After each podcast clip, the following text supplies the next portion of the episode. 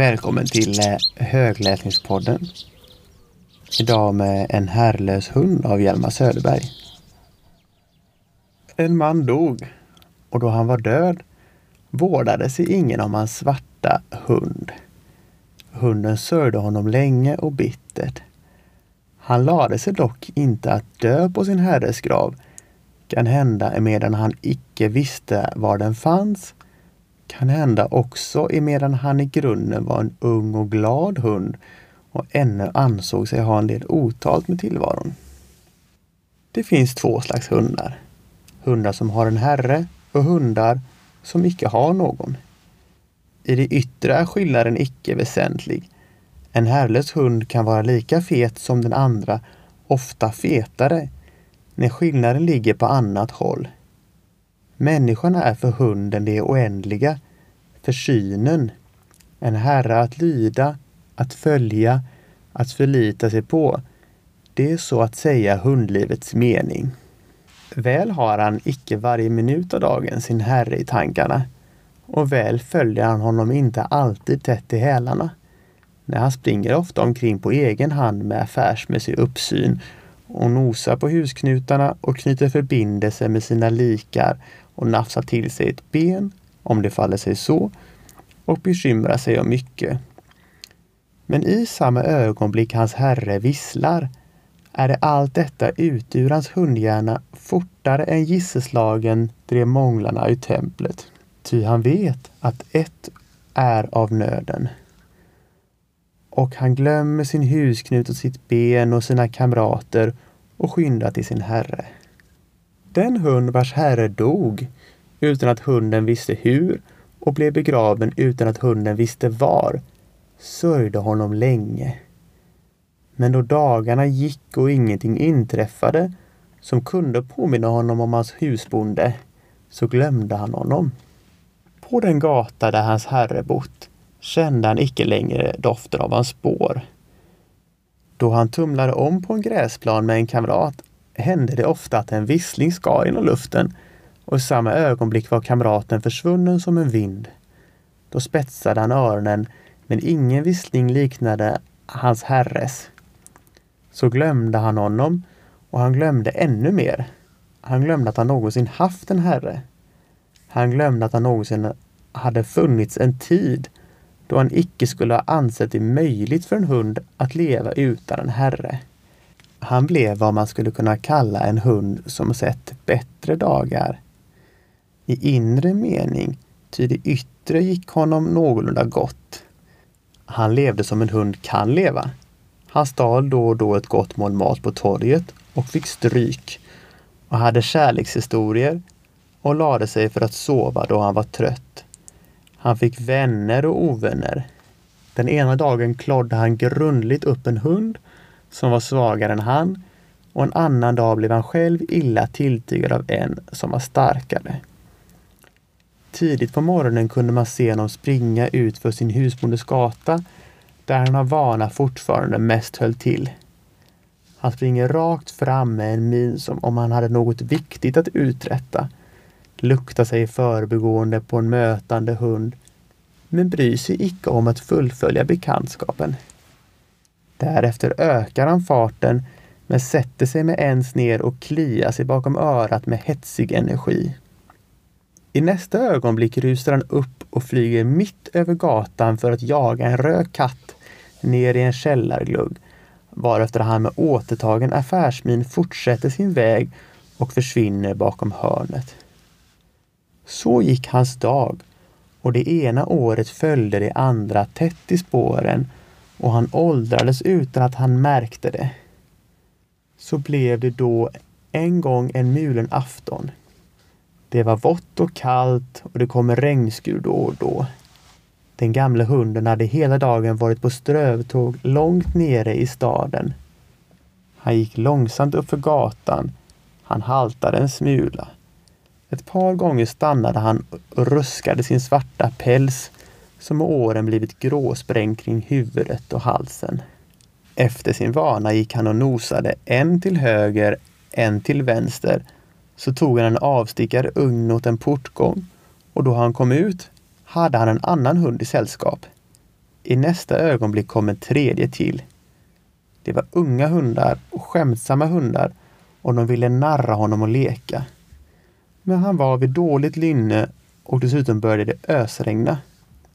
Då skar en vissling genom luften. En lång och skarp vissling. Den gamla hunden såg på de båda unga, men de lystrade icke. Det var icke någon av deras herrar som visslade. Då spetsade den gamla herrlösa hunden ännu en gång på öronen. Han kände sig med en så underlig. En ny vissling och den gamla hunden gjorde rådvilligt språng först åt den ena sidan, så till den andra. Det var hans herre som visslade. Det måste han ju följa. För tredje gången visslade någon lika ihållande och skarpt. Vad är han då? Åt vilket håll? Hur har jag kunnat bli skild från min herre? Och när skedde det? Igår eller i förrgår? Eller kanske för en liten stund sedan? Och hur såg min herre ut? Vad hade han för lukt? Och vad är han? Vad är han? Han sprang omkring och nosade på alla förbigående, men ingen var hans herre och ingen ville vara det. Då vände han och sprang nerför gatan. I hörnet stannade han och såg sig omkring åt alla sidor. Hans herre var inte där. Och då tog han gatan tillbaka i fyrsprång. Smutsen stänkte om honom och regnet dröp om pälsen. I alla hörn stannade han, men ingenstans var hans herre. Då satte han sig ner i en gatukorsning och sträckte det lurviga huvudet mot himlen och tjöt. Har du sett, har du hört en sådan bortglömd herrelös hund då han sträcker halsen mot himlen och skjuter, skjuter. De andra hundarna luskar sakta bort med svansen mellan benen. De kunde ju icke trösta och icke hjälpa.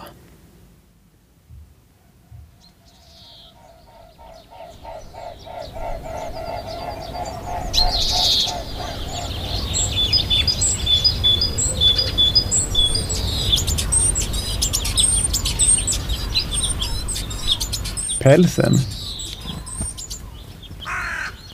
Det var en kall vinter det året. Människorna krympte ihop i kölden och blev mindre, utom de som hade pälsverk. Häradshövding Rickard hade en stor päls. Det hörde för övrigt nästan till hans ämbetsåligganden, ty han var verkställande direktör i ett alldeles nytt bolag. Hans gamle vän, doktor Henk, hade däremot inte någon päls. Istället hade han en vacker hustru och tre barn. Doktor Henk var mager och blek. Somliga människor blir feta av att gifta sig, andra blir magra. Doktor Henk hade blivit mager. Och så blev det julafton. Jag har haft ett dåligt år i år, sade doktor Henk till sig själv när han vid tretiden på julaftonen, just i middagsskymningen, var på väg upp till sin gamle vän John Rickard för att låna pengar. Jag har haft ett mycket dåligt år. Min hälsa är vacklande, för att inte säga förstörd. Mina patienter har däremot kryat upp sig nästan hela sällskapet. Jag ser så sällan till dem nu för tiden. Jag kommer förmodligen snart att dö. Det tror min hustru också. Det har jag sett på henne. Det vore i alla fall önskvärt att det inträffar före utgången av januari månad då den förbannade livförsäkringspremien skall betalas. Då han hade hunnit till denna punkt i sin tankegång befann han sig i hörnet av Regeringsgatan och Hamngatan. Då han skulle passera gatukorset för att sedan fortsätta neråt Regeringsgatan halkade han på ett glatt slädspår och föll omkull och i detsamma kom en drosksläde körande i full fart. Kusken svor och hästen vek instinktsmässigt åt sidan. Men doktor Henk fick likväl en knuff i axeln av den ena meden och dessutom fattade en skruv eller spik eller något liknande tag i hans överrock och rev en stor lucka i den. Folket samlade sig omkring honom. En poliskonstapel hjälpte honom på benen. En ung flicka borstade av honom snön. En gammal fru gestikulerade kring hans trasiga rock på ett sätt som antydde att hon skulle ha velat laga den på stället om hon bara hade kunnat. En prins av det kungliga huset som händelsevis gick förbi tog upp hans mössa och satte den på huvudet på honom. Och så var allting bra igen. Utom rocken. Fy fan vad du ser ut Gustav, sade häradshövding Rickard då Henk kom upp till honom på hans kontor. Ja, jag har blivit överkörd, sade Henk. Det är just likt dig, sa Rickard och skrattade godmodigt. Men inte kan du gå hem på det sättet. Du kan gärna låna min päls så skickar jag en pojke hem till mig efter min överrock. Tack, sa doktor Henk. Och efter att ha lånat de hundra kronor han behövde tillade han Välkommen till middagen alltså. Rickard var ju ungkarl och brukade tillbringa julafton hos Henks. På hemvägen var Henk i ett bättre lynne än han har varit på länge. Det är för pälsens skull, sa han till sig själv. Om jag hade varit klok skulle jag för länge sedan ha skaffat mig en päls på kredit. Den skulle ha stärkt mitt självförtroende och höjt mig i människornas aktning. Man kan inte betala så små honorar åt en doktor i päls som åt en doktor i vanlig överrock med uppslitna knapphål. Det är ju tråkigt att jag inte kommit på detta förut. Nu är det för sent. Han gick i slag genom Kungsträdgården. Det var redan mörkt och det hade börjat snöa på nytt. Och de bekanta han mötte kände icke igen honom.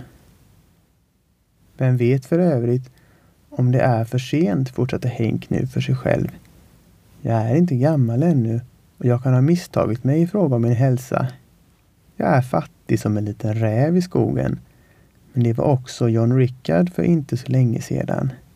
Min hustru har varit kall och ovänlig mot mig den senaste tiden.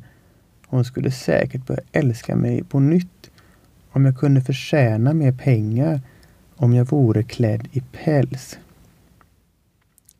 Det har förefallit mig som om hon tyckte mera om John sedan han skaffade sig päls än hon gjorde förut.